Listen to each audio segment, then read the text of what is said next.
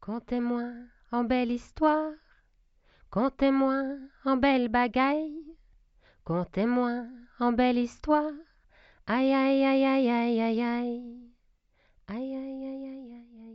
Well, I thought the story that I'd like to tell is a story from West Africa. It's the story of a hunter and his wife, their four sons. And the hunter is a great and a skillful hunter, and his wife was pregnant. She was big with the baby she was carrying in her womb. And the four sons, four strapping boys, and one day the hunter went off with his bow and his spears and his quiver full of arrows and his knives in his belt. And the woman and the four sons waited for him to come home. And they were thinking maybe he'd come back with a nice fat gazelle over his shoulders and they could have a great feast. And all day they waited. And at the end of the day, there was no sign of him. And they waited all night and he didn't come back. And they waited the next day and still he didn't come home. And so the woman turned to her sons and she said, Go and search for him. And off went the four brothers, and they searched and they searched and they searched. And they came home shaking their heads and shrugging their shoulders. And they waited for a week and he didn't come back. And they waited for a fortnight and he didn't come back. And three weeks and a month passed. And at the end of the month, a strange thing began to happen. They found he was beginning to fade from their memories. And two months passed, and he was just a faint trace in the backs of their minds, that hunter with his bow and his arrows and his spears and his knives. And at the end of three months, they'd forgotten him completely. And during the fourth month, the woman gave birth to the baby she was carrying. And he was a beautiful baby boy like his brothers. And soon enough, he was crawling, and then he was toddling, and then he began to speak. And the first words the little boy said were, Where's my father? Where's my father? And the woman and the four brothers put their hands to their heads. How could we have, how could we possibly have forgotten him? And the woman turned to her sons and she said, Go and search for him again. And off went the four brothers, and they searched and they searched and they searched, and they came to a great forest. And as they were making their way through the forest, they saw tangled in the undergrowth there were the scattered bones of a man. And there was a bow with a rotten bowstring, and there was a quiver full of rusty arrows, and there were two halves of a broken spear, and they knew these were the bones of their father. And the first brother said, You know, it's a good thing that I was born with the power to bring scattered bones together. And he crouched down and he blew onto the bones and they started jumping this way and that way, and they locked together, and there was the perfect skeleton of a man lying on the ground. And the second brother said, You know, it's a good thing that I was born with the power to put flesh and organs and skin and hair and eyeballs and fingernails onto the bones of a skeleton. And he crouched down and he blew, and there was the body of their father, lying on the ground, perfect, but cold and dead. And the third brother said, It's a good thing I was born with the power to give life to a dead man. And he crouched down and he blew onto the corpse. And there was the rise and the fall of the breath, and there was a pulse, but it was as though he was in a coma, in a deep, deep, deep, deep sleep. And the fourth brother said, It's a good thing I was born with the power to give speech and movement and laughter to a man in deep sleep. And he crouched down and he blew. And their father sat up and he rubbed his eyes and he looked about himself and he said, Where am I? Where have I been? And they said, Well, you were dead, but now you're alive. And the hunter nodded, and he picked up the bow with the rotten bowstring, and the two halves of the broken spear, and the quiver full of rusty arrows, and they made their way back to the village. And when the woman saw her husband, she was so happy, and she threw her arms around his neck. And they all sat down together and they ate. And when they'd finished eating, the hunter wiped the grease from the corners of his mouth and he went across and he sat by the fire and he picked up a lump of wood, a lump of hard, dark ebony, and he took a knife and he began to carve it. And the brothers sat and they watched him. And all night he carved and carved and carved, and all the next day he was carving, and it was as though he was carving everything he'd become part of when he was dead the trees of the forest, the plants, the animals, the birds, the sun, the moon, the stars. For three days he carved and carved, and it was the most beautiful thing. And he rubbed oil into the wood and polished it with a piece of cloth. And then he got a cow's tail and he fixed the cow's tail to the end of it. And he made a cowtail switch for flicking away the flies. And then he turned to his sons and he said, This is for the one who saved my life. And the first brother said, Then it's mine. I was the one who brought all your scattered bones together. The second one said, What are you talking about? It's mine. I was the one who gave you skin, hair, eyeballs, fingernails, flesh. And the third one said, What are you talking about? It's mine. I gave you life. Where would you be without life? And the fourth one said, It's mine. I gave you speech and movement and laughter. What's a man without speech and laughter? And the hunter looked at his sons and he shook his head and he said, No, it's for the little one. He was the one who remembered me. He was the one who truly remembered me. And as long as a person is remembered by somebody, he's not altogether dead. And he gave the cowtail switch to the youngest son. And that was the end of that story. Welcome to Storytelling Radio, to Hugh Lupton. My name's Georgiana Keeble, and I've travelled up to the wilds of Norfolk to meet Hugh.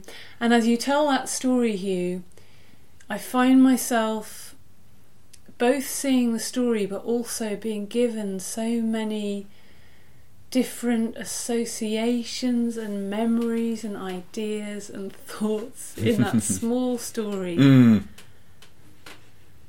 Yeah, it's a story that seems to me. I, I, I mean, there's so many layers and levels to it, but Mm. one of one of them, I think, is about story, about how story works, um, and the different layers that somehow have to be put together to make this thing live. Okay. Yeah. So you see the man as being a story in a way. Yeah, I mean, you know, there's the bones Mm. and there's the flesh on the bones. I mean, I, it's a story that I use quite a lot when I'm doing storytelling workshops because as storytellers, part of the of the process is to leave behind the story that we hear and try and make it our own.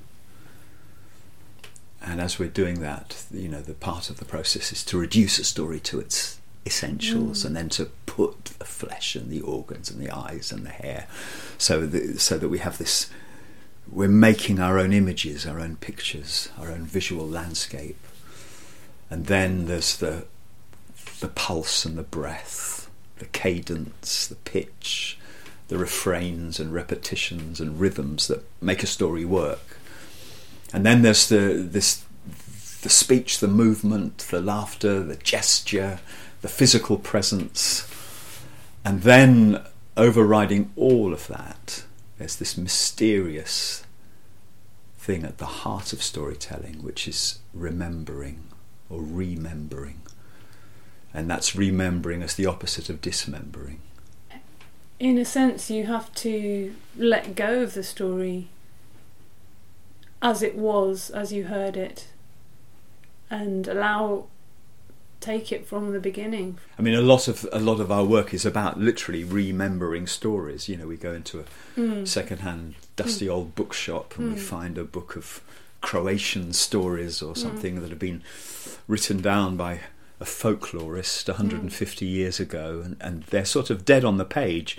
But as storytellers, you begin to get a nose for what might work, but you have to leave behind the text as you receive it, and and re, uh, you know go through this process, reduce it to its bones, and then live with it and walk with it and talk it to yourself, and begin to kind of remember to reconstruct it in a way that's true to you as a teller before before you can tell it and make it your own.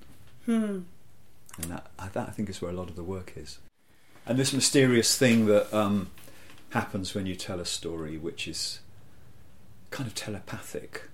You know, if, if if you can see it, if you've done that work and seeing it and imagining it and seeing the landscape of it, then even though you might not in the telling, you know, I think one has to be careful about using too much description in the way that we tell. But because you've done that, what you tell might be the tip of an iceberg, but something communicates.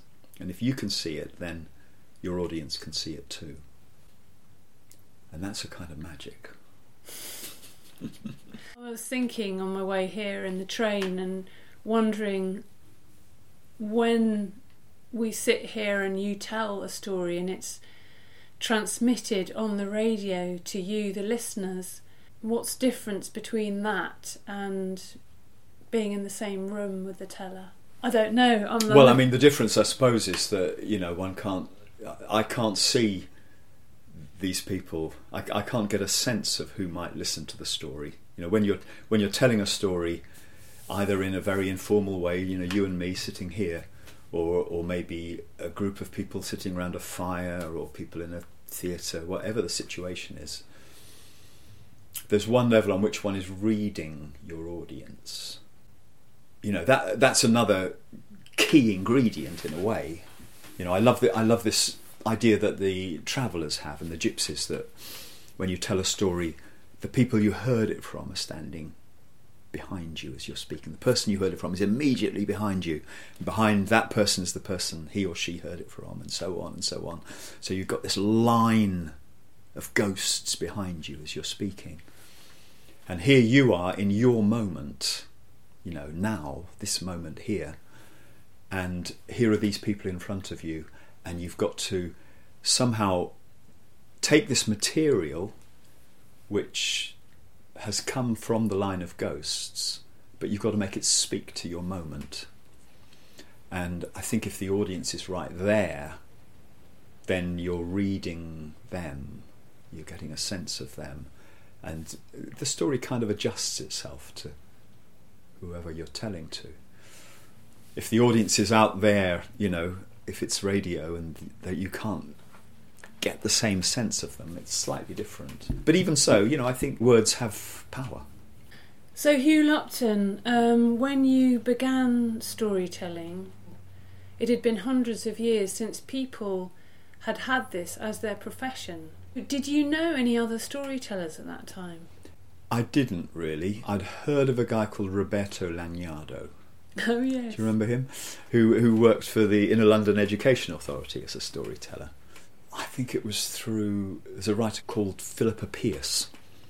I was talking to her about being interested in the idea of storytelling, mm. and she said, "Oh well, there is somebody I know of who's doing it, and that's Roberto." And so I did meet Roberto, although I didn't actually hear him tell until I'd been telling for a while myself. So it was a bit of a leap in the dark. But what I had been doing for quite a while was singing the ballads, oh. the old border ballads, the big these big narrative songs, and that was kind of my first tentative step into storytelling. Yeah. Oh, I didn't know that. Mm. And what do you think brought you to to do this thing, which you knew of somebody who did, but you hadn't ever heard him tell a story? How on earth did that happen? Well, I kind of knew from a long time ago that I wanted to do something with language. And originally I thought I wanted to be a writer. But then I got more and more interested in traditional story, myth and legend and fairy tale and wonder tale and folk tale. And the kind of density, the strength of that material. And also, I found writing terribly solitary. And so I got very excited by the idea that in the moment, you know, tell a story that has an effect and you're, you're with the people as it has its effect.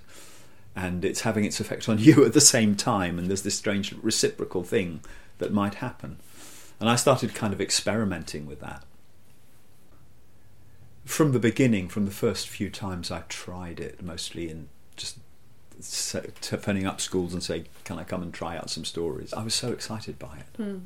uh, and it, it had a a life, and an, it, it felt as though it was feeding me, and it also felt as though it, it was maybe at the time I thought an apprenticeship with metaphor and language and narrative form that I might take on and do something else with, but it very quickly became what I did. Mm. Yeah, I mean, I- more recently I've gone back to doing some writing, but that's taken about um, forty years. Mm. Also, the sense that it, it had to be an absolute commitment. Why? Well, I had a huge amount of resistance from my family and where I come from, all, all scientists and rationalists, and um, you know, with my best interests at heart. But you know, this this should really be a hobby. You should be doing something else, and you know. But I, I, I kind of knew that it had to be an absolute commitment. I thought maybe storytelling could be a way of making some sort of a living at the same time as being absolutely engaged with living language. So it became that was another reason that it became a thing that I did.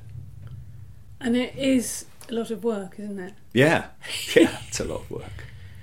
So I think that's something that uh, it's hard to tell often for people who haven't tried to do it themselves. It Yeah. looks very easy, Yeah, yeah, but when you describe that whole from your your story, that that gives us a good picture of actually, wow, this is a lot of work. mm.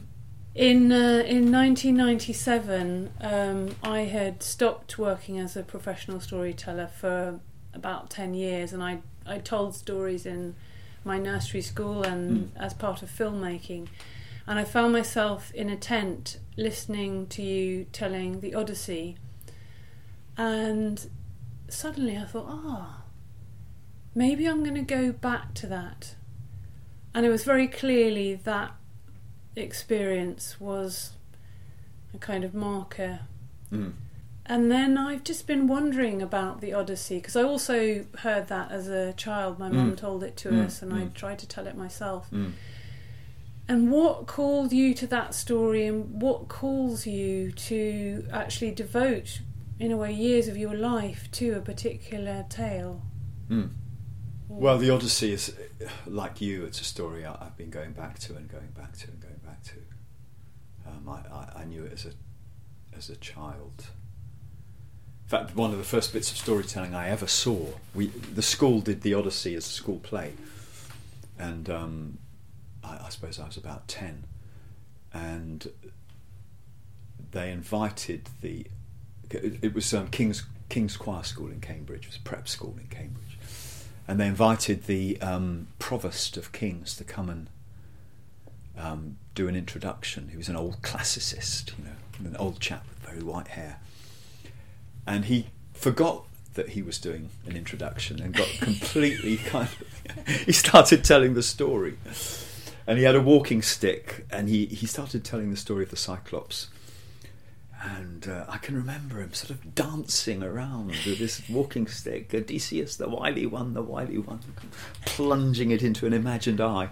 And he was sort of possessed by by the story, and he completely upstaged the performance that followed him. You know. um, so yeah, I've known it for a very long time. And one of the first stories I ever told was a Chunk of the Odyssey. When I very first, I, I sort of jumped in at the deep end Mm. And then kind of retreated and went, went realised that I actually needed to do a bit of work on some simpler stories and come back to it. And then uh, Daniel and I started working on it in the uh, in the nineties. Yeah, I've been going back to it over and over again ever since. I suppose the angle that we've taken with it is the journey, the journey home, um, that is made on so many levels in people's lives. Maybe particularly we were thinking when we first started working on it of the kind of uh, the veteran going home, you know, a, a Vietnam vet or a, someone going back from Iraq Mm. into the domestic world. and what do you have to go through to enable you to come back rehumanized into that world of wives and children. So, you know, I think the Odyssey is very interesting on that level because so many of the encounters are with the feminine in its various guises. Can you say more about that? About the the encounters, or Well, yes, just partly because this um, radio program will be first broadcast uh, by the world's oldest feminist radio, oh yeah, and so you know, it's just. Don't think many people have thought about the Odyssey in those terms. yeah. Well, uh, the more we worked on the Odyssey, the more we realised that you have to tell the Iliad first, because the Iliad is is about the um, extremities of war. So, having had that, you then see Odysseus leaving, sort of bloated with self worth, with his ship crammed with treasure that he's taken from Troy. And slowly and systematically, everything is taken from him. When he blinds the Cyclops, and the other Cyclops come to the cave and says, "Who has, who has blinded you? Nobody. Nobody blinded. Nobody blinded me." Odysseus um, gives nobody as his name, and then from that point onwards, systematically, as the story progresses, he is stripped of everything until he literally becomes nobody. He returns home as nobody, naked, with nothing. And an awful lot of that stripping away is um, through encounters with the, you know, the sirens, Circe, Scylla and Charybdis. You know, one after another, these uh, encounters um, are, are kind of aspects of, of the feminine in its various forms. But I mean, that was our that was kind of our angle. I, you know, I've I've known classicists who very much questioned that and question actually whether there was really any transformation at all in his journey home. But as a, as a storyteller, I think one has the freedom to, as we were talking about with the bones, to sort of find your own way with a story and fi- for it to find its own truth. Um, and we can be very stuck with a text, and classicists are very stuck with the moment that this a body of material that had been in the oral tradition for 500 years is fixed on the page. But that's only a moment in the life of a story. It's been in a constant state of flux. And, and Daniel and I very much felt that as storytellers, we wanted to put it back into the kind of um, much less rigid form of spoken narrative rather than a kind of hallowed text on the page, which is kind of locked into a sort of Bronze Age heroic uh, mindset. Would this be a moment for another story? Do you think? When I was a boy, the first, probably the first real storyteller I met was the old lady who used to babysit for us when we were kids. Her name was Jenny Wing. And um, she was a wonderful old talker. And she'd grown up on a big farm in South Cambridgeshire, and her dad had been a horseman, looked after these big, heavy horses, Shire horses. And um, when she was 12, she was sent into service in a big house in London. And I think she must have just thought about home and dwelt on it and dreamed about it and told herself over and over again.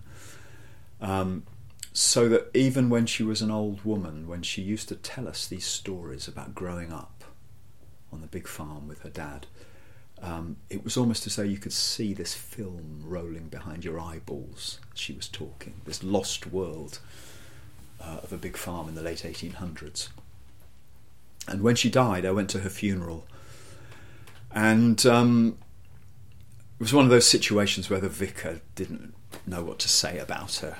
And I had all these stories in my head And so afterwards, I thought about, well, maybe what should have been said. And, and so this is one of the stories she used to tell us. But it's, I, I kind of, it's as though I'm talking to her when I'm telling it. So I address it to, to, to Jenny Wing, but as you, the you of the story is Jenny herself. The night the horses were stolen, you were nine years old. You were woken by your father's boots clattering across the cobbled yard. Something was wrong. The stable doors were open, swinging, creaking in the wind, slamming hard against the wall. You climbed out of bed and ran to the window. You could see your father, tall in the half light, running in among the stalls, heard his voice, husky with the early morning, half speaking, half calling, By Christ, the horses are gone. Your clothes were on, and you beside him, buttoning your bonnet against the weather, before little Fred in smock and coat, gathered in his mother's arms, was beyond the pump in the yard. What's wrong, Dad? They took the horses, gal. Violet, Diamond, Beauty, Old Captain, Punch, they've been stolen one and all, the geldings and the mares. You peered into the stalls. The morning gave light enough to see their hollowness, the cut ropes hanging slack from the mangers. You breathed in the musky smell of horse and hay, and your tears came. Don't bawl, gal. That ain't helping nobody. You ran to where your mother was standing in the stable door, pressed your face into her dress, and dried your tears. At least they left the stallion be. They left old Tinker safe and sound, which makes me think that's local men. Why local, Dan? your mother said. Who else would know to leave him be? That horse had fetched ten times the price of the other five. No, they knew there's none alive can handle him but me. He's as wilful and as lively, as quick to snap and kick, as stubborn and strong, as awkward and forward as any horse I've known. They knew to leave him well alone. Your father harnessed Tinker to the cart, and whispering soft syllables, There, boy, woo, easy now, led him across the yard, past the pump to the post. Your mother made you toasted bread dripping with lard, and mugs of tea. The ground's froze so damn hard, I don't know which way they went. No hoof nor footmarks to be seen. Just ask, Dan, your mother said. Just stop and ask each man you meet. Those horses being led by night will have woke some soul in Ashwell Street. There ain't but a few souls to wake, but I reckon that's the best to do. Your father climbed into the cart, and you said, Dad, can I come too? All day you trundled in the cart beside your father. You stopped at cottages along the way, at pubs and farms, in Kneesworth, Meldreth, Bassingbourn. I say, you ain't seen five horses, a piebald, a grey, a chestnut roan and bay. I reckon my job's away if the beggars ain't found. But the answer was always the same. Sorry, Dan, I ain't seen nothing, nor heard. They were stole before first light. You ain't heard hooves or talk at night. Not a sight nor a sound, Dan. It was when you came to the Royston road that a girl in the farm on Royston Hill said, Yes, I was woke by hooves at night, way before dawn. That give me a turn. Heading Royston way they were. Bless you, your father said. Come on, gal, let's get up to town before nightfall. It was old Dyball the tanner, who rented premises on the edge of town, who tipped you off about the barn. Between you and me, Dan, there's something fishy going on. You know that place with the green doors between the maltings and the station? Well, I've heard horses there before. Heard, but never seen them, mind. Arrive by night they seem to go, and fly by night and all. Well, there's horses there again today. I'd get there quick, before they're fetched away. It was dusk when you reined Tinker in, outside the green doors of peeling paint. I'll be beggared if this ain't it. Your father climbed down from the cart, and he pressed his ear against the door.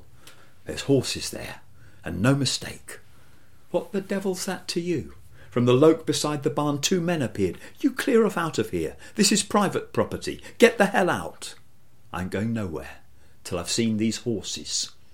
One of the men stepped forwards then and cuffed your father on the chin. Dan Wing, ain't it? Remember me? By Christ, it's Samuel Lee. Sacked by Jarman for thieving corn. Well, I ain't going nowhere till I've seen beyond these doors. Oh, yes, you are. The other man stepped forwards then, and the fight began. You screamed. Tinker lurched forwards. You fell back from the seat, and suddenly the street was alive with people. Five or more were holding the cart, keeping well back from Tinker, whose teeth were bared, his ears were flat, and the rest pulled the men apart. What's all this about? Samuel Lee rubbed his chin and spat. You clear off, Dan Wing, and pay no mind to what ain't yours. Your father turned and faced the crowd. There's horses behind these doors.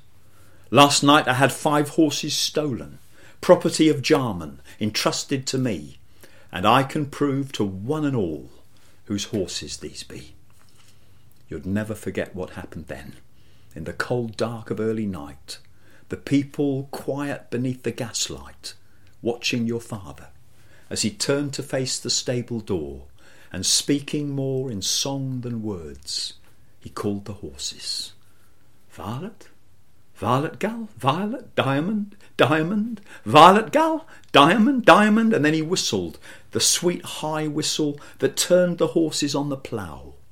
And from behind the doors came whinnies of pleasure and recognition. Captain, hey, Captain, hey, punch my main man, punch my main man, hey, hey. And then he whistled the sweet high trill that often urged the geldings on with loaded wagons up Royston Hill and from behind the doors the wickering neighs and answering snorts came.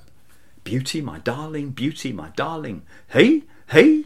And beauty's high familiar squeal and the scrape of her hoofs against the floor came echoing through the door. Your father turned to you and grinned. Look in the cart, gal. Bring me the pail. You reached and took the bucket, scrambled down, and ran to where your father was standing. Pick up a stone, gal. Give it a bang. You took a piece of flint and you hit the bucket till it rang, and your father sang, Food, food, food. And from behind the doors came a welcoming roar, a straining of ropes, a kicking of stalls, and Tinker, with the cart in tow, pushed through the crowd and pressed his nose against your shoulder. Your father turned to Samuel Lee. I reckon my horses are hungry. Give me the key. The two men turned to run away, but the crowd closed tight about them then. All right, all right. The bloody key is here by Christ. Go on, take it. It won't bite. That night you led the horses home, following behind the cart, the piebald, the grey, the chestnut roan and bay. You wrapped in sacking, coat and rug, your father warm with ale and rum, sat side by side on the seat of the cart, loosely holding Tinker's reins. The moon lit up the frosty grass, and the shining sided new cut clods stretched away across the fields. The ring of hooves on frozen ground, the horse's breath against the chill, your father's voice, as sleep closed in, stayed with you always, always will. Hugh, I've been sitting here my tears have been pouring down my face. I've heard this story many times before, actually, but it still hits the spot. Good. so, what made you? I mean, you've said about Jenny, but what else motivated you to make this? It's quite a particular form to Mm. address it to a person. Mm, mm, mm, mm. Yeah. Why?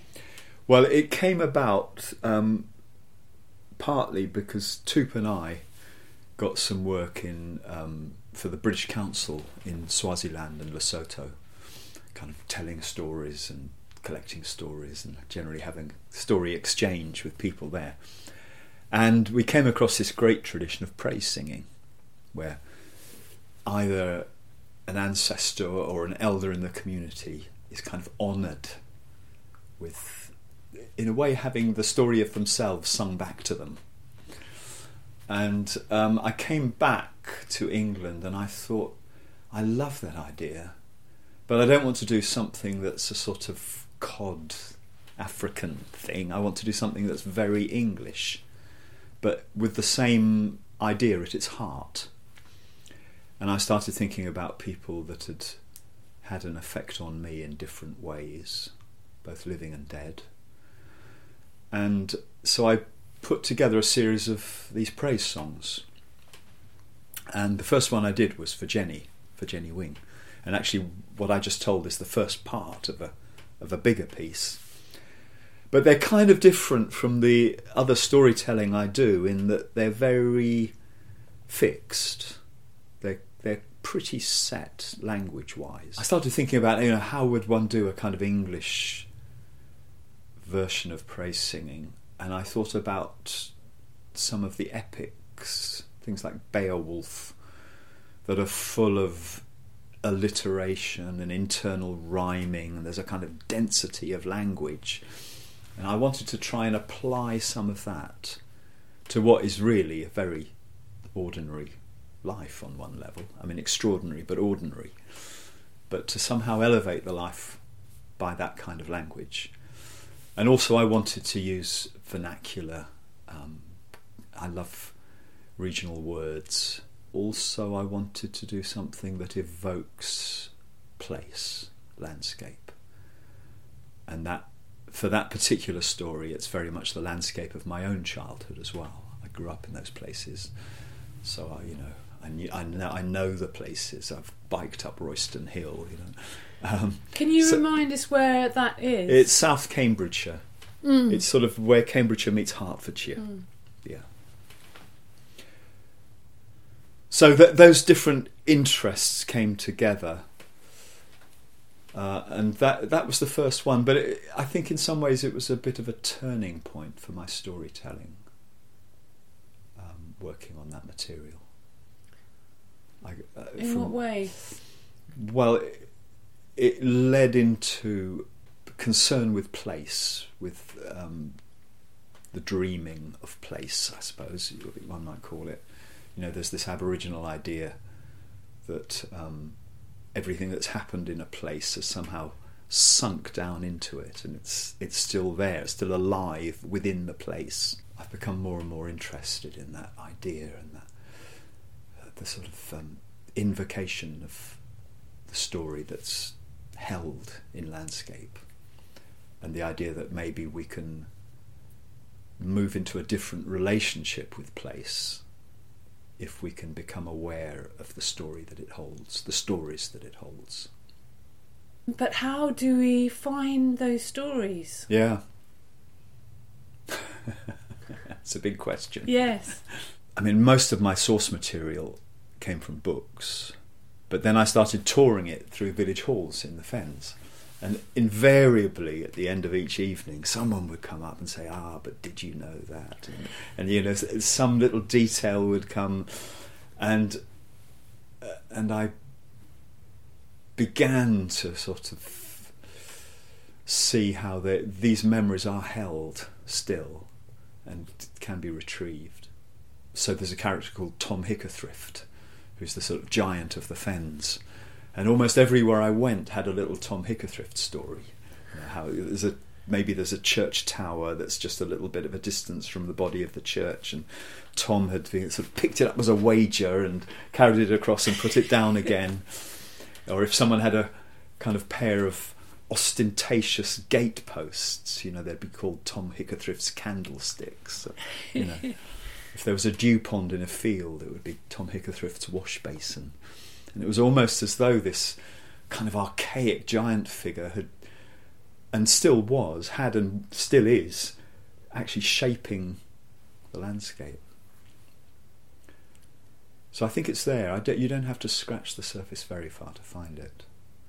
I remember Eamon. Do you remember Eamon Kelly, the the old no. the Irish storyteller who came to one of Ben's festivals in London? I remember him saying that when he was a boy, growing up in County Clare, every field in the parish had a name, and every field name was associated with a story. And so to walk from one end of the parish to the other was to walk through a landscape of stories. And um, that seems so close to the Aboriginal exactly. idea of, of the dreaming of a place. And I think it's true of everywhere, or has been true of everywhere. Mm. The hmm. tragedy is that um, we're losing it, and and with that goes some depth of uh, relationship with the land. And is that something that um, storytelling can address? I think it can. I think restorying, restorying the landscape is Mm. is one of um, one of the things we can do, uh, and not just necessarily the human stories either. Another of the things that, that I think the Jenny Wing story led me into was this idea of well, in her story, it's horse presence, which was everywhere when she was a girl and is now almost completely gone. But just living in relationship with the living world, with the animal world and the plant world. I mean, you can't hear that Jenny Wing story without being aware of that, I think. Mm. And that's so much of the force of it. And even though I have had so little relation, you know, met so few horses, as it were, it still calls a longing in me to Mm. horses. Mm. And I wonder if that's something which is living in us, sort of waiting to be touched by the story. Yeah. I can't help feeling that more and more. Mm. When you tell stories to kids who've perhaps never heard a story before told live, how do they respond? It's the old story that I think many, many storytellers find. Is that teachers uh, start off with all sorts of caveats about how they can't sit still any longer, and you know, very doubtful that you're going to be able to hold a group of kids for for an hour, say. But actually, there's something about something in in the structure of our nervous system, uh, our being, our, our, um, the way we're made that is sympathetic to story. The teachers are constantly amazed by how kids will sit and listen. And I suppose the stories that one tends to tell to children are the kind of wonder tale end of the repertoire. Um, fable and wonder tale and maybe some folk tales as well. That world of kings and queens and talking horses and um, kind of magic, but magic with its own laws. I don't think it needs much translation. For some reason, I find kids very, very quick and ready to to just accept that place where stories happen. I remember you once said something about like, are we being, are we going into a trance state as we tell Mm, the story? mm. And that's always something that, you know, I thought, well, yes, but what does that mean? you know, as a storyteller, one's kind of straddling, to, in a way, as I said before, one's straddling two worlds, and it's as though one eye is looking into the place where the story happens, and the other eye is looking at the at your audience, and um, you're kind of relaying one world to the other. But the way that the, what you're using to relay it is sound, and that slightly incantatory thing that happens when you're telling a story. So it's as though you're casting a spell. It's a spell of language, it's a kind of web of language that you're drawing people into. Um, picture this picture language. When I'm listening to a good storyteller, I'm handing myself over to a world, um, and the the internal pictures are very strong. There is a spell that's happening, but at the same time, it's not a kind of dream. It's not. It's. It, I mean, it's a, it's a dreaming, but it's it's not out of touch with with reality. Mm. You know, it's a deeper reality Mm. rather than a kind of diversion. If it was a diversion, I wouldn't be interested in it. Well, I'm going to ask you the uncomfortable question of the extreme situation where we find ourselves with the sixth mass extinction happening and um, climate change, which we're really beginning to feel more strongly in this part of the world. It's a difficult question. I kind of even find it hard to ask, but I'm going to ask it. I don't like didactic storytelling. I don't like to overload a story with with a message. The thing about story is that it's what it offers is a template. Or yeah, I guess a template's a good word that we bring our experience to and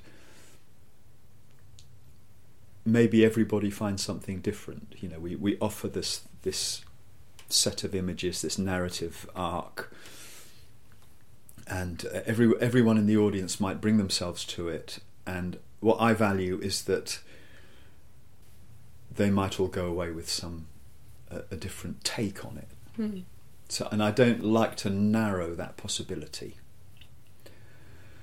But on the other hand, I do feel quite strongly about climate change and everything that's happening um, in the culture in so many ways at the moment.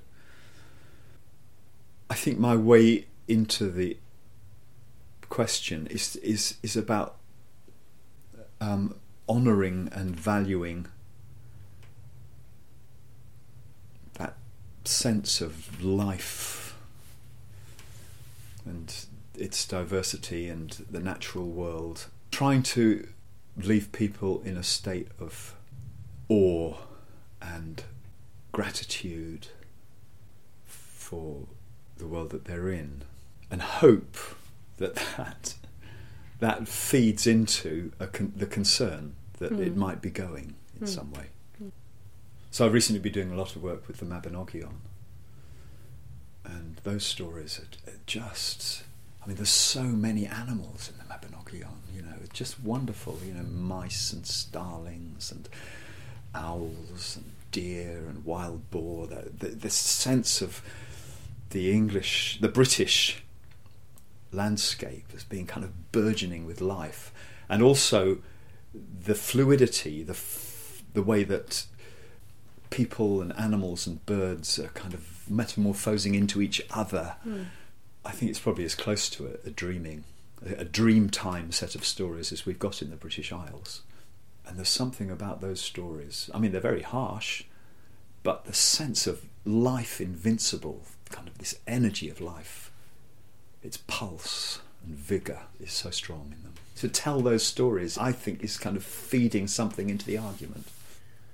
Yeah, I think it, apart from anything else, as one listens and identifies with the owl or the field mouse, something happens to my relationship to it. it Mm. it's it's another me. Mm, exactly, yeah. And I think from a child I've always been a sort of pantheist, you know. Mm. I've always, you know, from because I, I, I sort of was lucky enough to be to grow up at a time when we could just run out and build camps and run wild for the weekend and make fires and you know, there's always been an exaltation and being out in nature and uh, I, I've always wanted that to feed into my telling but it's become even more urgent Mm. in the last uh, 10 or 15 years And, And- do you do work outside? yeah I do yeah Mm. yeah I wonder if you could give those who are listening who may be beginning to to work as storytellers and us who are continuing and have done have you got any tips for how to go into that process of coming closer to a story and preparing it for its birth Well, the first law is that it's got to be a story that speaks to you in some way. It's absolutely hopeless starting with a story that you've been asked to tell for some reason. Some commission, you know, although commissions are lovely, but if it's too narrowly defined, then it's not coming from you. So it, absolutely has to come from your own compulsion, your own inner compulsion. And then I think well, for be- people who are beginning telling stories, I actually think that the best possible apprenticeship is working with kids Mm. because you learn all the tricks of rhythm repetition, the refrains. And also, you have an audience that makes no bones about not being interested in what you've got to say. so, if you're not holding them, you know it. So, you have to develop, you learn the tricks of holding an audience. And, you know, all those things can be applied to an adult audience, but there's no better way to learn than to work with kids. But then I think, um, generally speaking, if I find a story that I want to tell, I'll quite often go to different, try and find different variations Mm. of the story. Quite often, the same basic set of motifs will appear in several different cultures, so you can come into a, a narrative from different angles. And then um, I think there's a kind of mulling and mulching process, a composting, where you just, just for a while, live live with it and think about it, and um, try and find how it speaks to you and works inside you. And then I think there's this process that I talked about earlier, really, which is, you know, trying to find the the structure, the bones of a story, and then I tend to do it on the hoof. I tend to walk and think and mutter to myself. I've heard children running and hiding when they've seen me coming, you know. Um, and then at a certain point, you just have to try it out. Mm.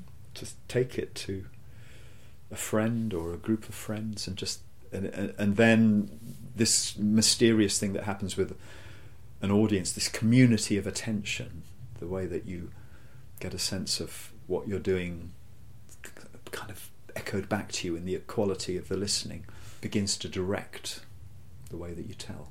Mm. I got one last question Yeah. for you, Hugh Lupton, and that is I wonder if you can tell us about one of the best memories you have of telling a story and one of the worst.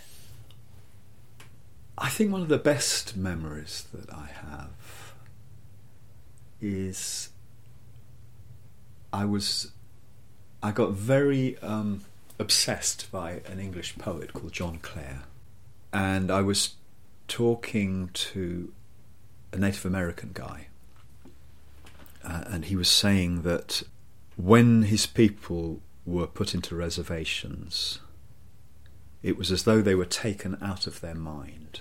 They were taken because landscape and consciousness are so intertwined in that culture that to be taken out of your place and put somewhere else is literally to be taken out of your mind.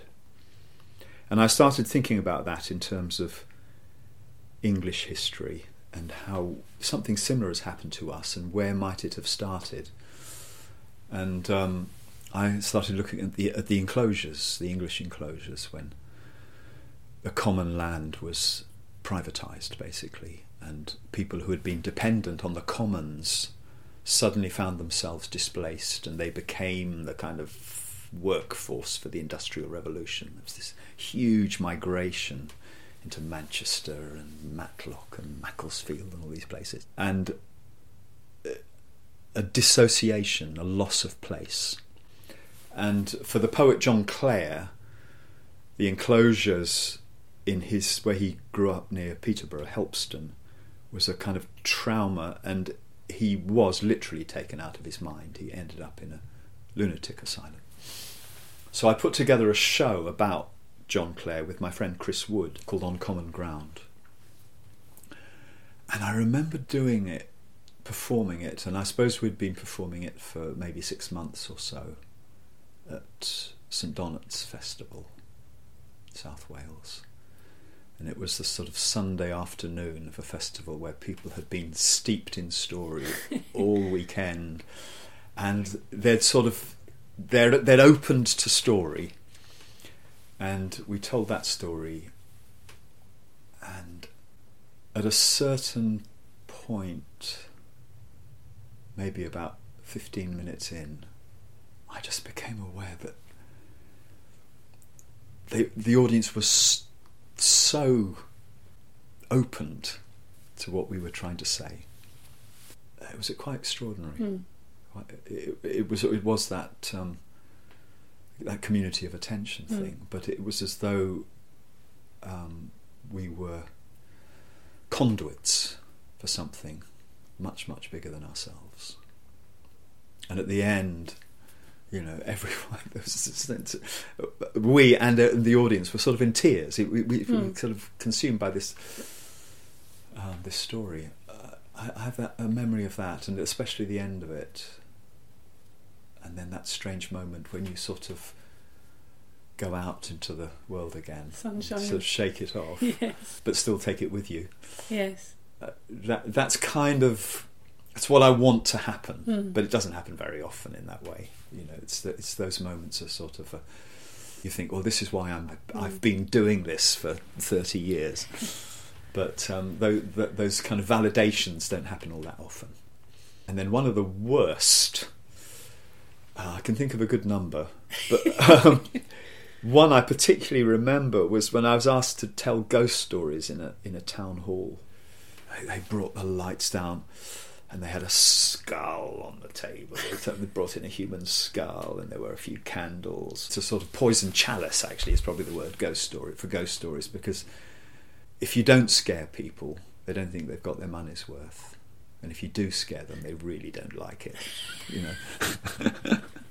it was sort of the reverse of the John Clare experience, in that this absolute tangible chill fell on the audience, and I, f- I thought, God, th- this is I'm I'm again I was being a conduit for something, but I really didn't want to be doing it. I didn't like it. I didn't feel at all comfortable with what I was bringing into the room. It was the sort of last story of the evening. At the end, people sort of got up and there was a sort of silence, and they sort of filed out into the night. And I, th- you know, I, I've never ever told. That. In fact, I don't think I've ever done an evening of ghost stories since then. It was a sort of um, very uncomfortable sense of conjuring some negative energy into a room. Mm, mm, Yeah. Gosh. Yeah. That's that's really interesting. I mean, Mm. in Norway, people are so obsessed by death and detective stories, and Mm. every Easter they yeah, all go off and Scandi noir. yeah, enormous, yeah, hasn't it? exactly, yeah. And you think, what on earth is it that wants to go and dwell in all that? Yeah, yeah. But yeah, as you say, we have to try and face. It. I mean, I tell lots of stories about Yeah, death, yeah, and, and it's very important to tell stories about death. But that was something else. That was that was some sort of vortex. I felt I was sucking people into some negative vortex. Of yeah. Here's a story about a character called Jack Ostler. And um, Jack Ostler was crossing a field.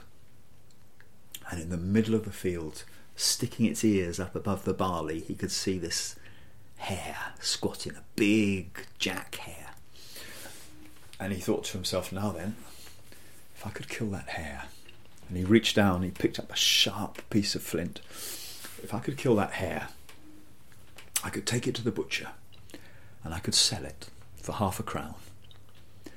And with half a crown, I could buy a little runt piglet. I'll fatten the piglet up on scraps, and when she's big enough, I'll put a boar across her, and she'll give me a litter of little piglets, and I'll fatten up the lot of them, and I'll sell them all, and I'll buy myself a cow. And I'll put a bull across the cow, and she'll give me calves, and she'll give me milk, and I'll see if I can't build up a nice little herd of cattle. And then I'll marry old Weatherby's daughter up on the big farm. We'll get wed. And we'll be happy. And the years will pass, and then there'll be a war. And all Weatherby's sons will get killed. And then old Weatherby himself will die of the gout. And me and my wife will move up to the big farm with all of its acres. And we'll be happy then. We'll have two sons. Great big strapping boys they'll be. But they'll be lazy. And they won't wake up in the mornings. And every morning I'll have to stand outside their bedroom door.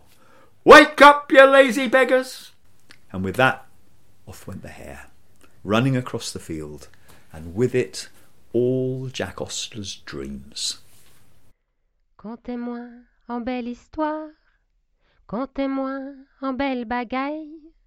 Contez-moi en belle histoire. Aïe aïe aïe aïe aïe aïe aïe. Aïe aïe aïe aïe.